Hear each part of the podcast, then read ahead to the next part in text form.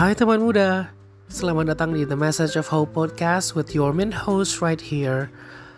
Episode ini adalah episode perkenalan, episode pertama yang agak spesial karena gue recordnya di malam tahun baru. Saat ini gue lagi sendirian because you know my family is out. Um, tapi memang gue agak menikmati kesendirian sih, karena the last day of 2020 ini tuh kayak gue merasa bahwa intimacy with me is the intimacy that I really do need. Kayak gitu. Intimacy yang between me and God only aja. Dan itu semua tuh kayak agak bikin melo ya sebenarnya. Karena kita udah melalui banyak hal di 2020 and then only a few hours away kita udah ada di 2021 tentunya dengan harapan-harapan yang baru dan pasti teman muda semua juga punya mimpi-mimpi yang baru. Kalau kata orang tuh resolusi. Ya gak sih? Resolusi yang nggak uh, tahu bakal terwujud atau enggak tapi ya namanya doa yang baik kenapa tidak diucapkan? Kenapa nggak dirancang aja? Well teman muda uh, gue tuh merasa bahwa 2021 kita nggak akan pernah tahu apakah akan lebih baik atau tidak. Atau sama aja kayak 2020 well kita tetap berdoa yang terbaik lah untuk 2021 tapi kita juga harus punya this side of uh, apa ya pemikiran yang kalau nanti ternyata 2021 nggak berubah gimana karena gue merasa Tuhan tuh He's always here He's always here with us. No matter how difficult the situation is, no matter gak peduli mau kita memiliki banyak atau memiliki sedikit, gak peduli situasinya sulit atau enggak, tapi Tuhan tuh selalu ada. Dan 2020 gue merasa sudah banyak yang dibuktikan sama Tuhan melalui kehidupan kita.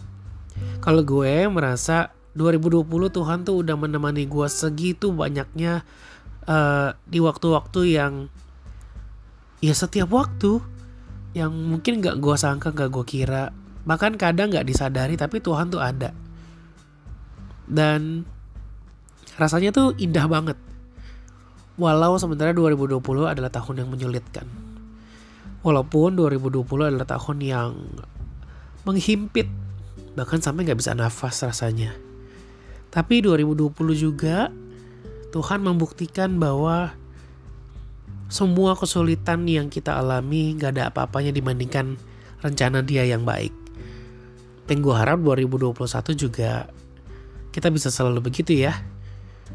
Karena sebenarnya ini bicara tentang fokus, bicara tentang uh, menjalani sesuatu yang memang Tuhan suruh. Jadi ketika kita menjalani apa yang Tuhan mau, yang Tuhan suruh, jadi nggak peduli tuh uh, menurut ukuran kita bahwa itu adalah sesuatu yang sulit atau enggak. Tapi selama Tuhan yang menyuruh, selama Tuhan yang berkehendak, maka semuanya akan jadi baik. Gue tuh teringat soal Petrus yang diminta Tuhan menyeberang dengan berjalan di air. Awalnya dia oke. Okay. he was like uh, oke okay, God.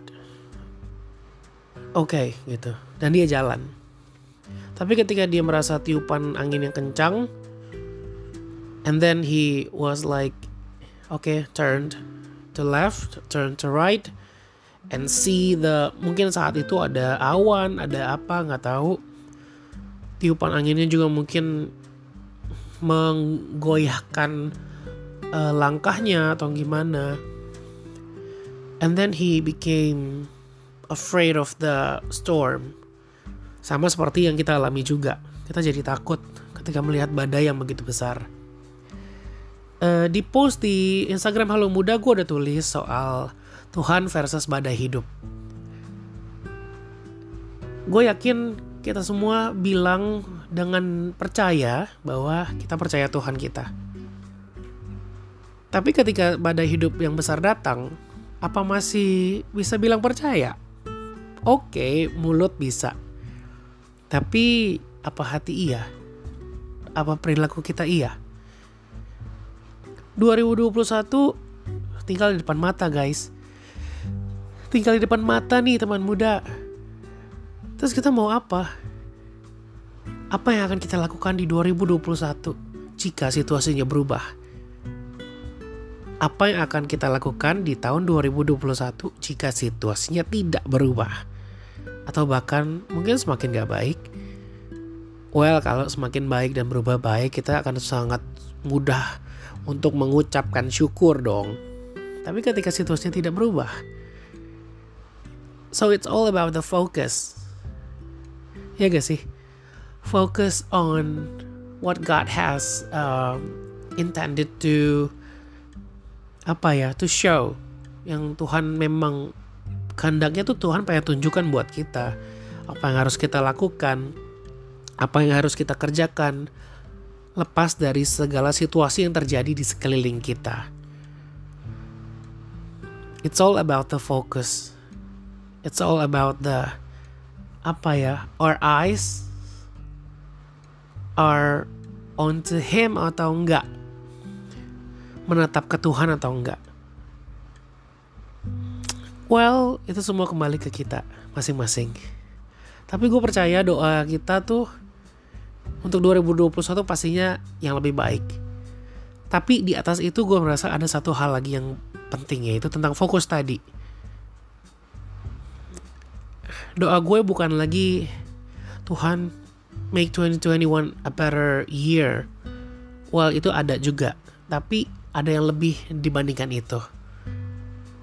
Tuhan 2021 apalagi yang harus gue kerjakan mungkin teman muda juga bisa apa ya berucap juga Tuhan 2021 apalagi sih yang mau kau bikin hal kece apa lagi nih yang mau kau kerjakan di dalam hidup gue? Gue rasa akan lebih apa ya? Akan lebih open your mind to every apa tuh namanya chance of possibility yang mungkin memang Tuhan sediakan yang kita nggak pernah tahu. Ya gak so kalau gue boleh mengajak mungkin di tahun yang baru ini we apa ya we we leave everything behind deh karena karena 2020 harusnya sih udah mengajari kita banget ya bahwa we never know what would happen in the future we can only work it out. Try to work it out. Tapi the outcome is up to the God Almighty, the God above, the God is in our heart.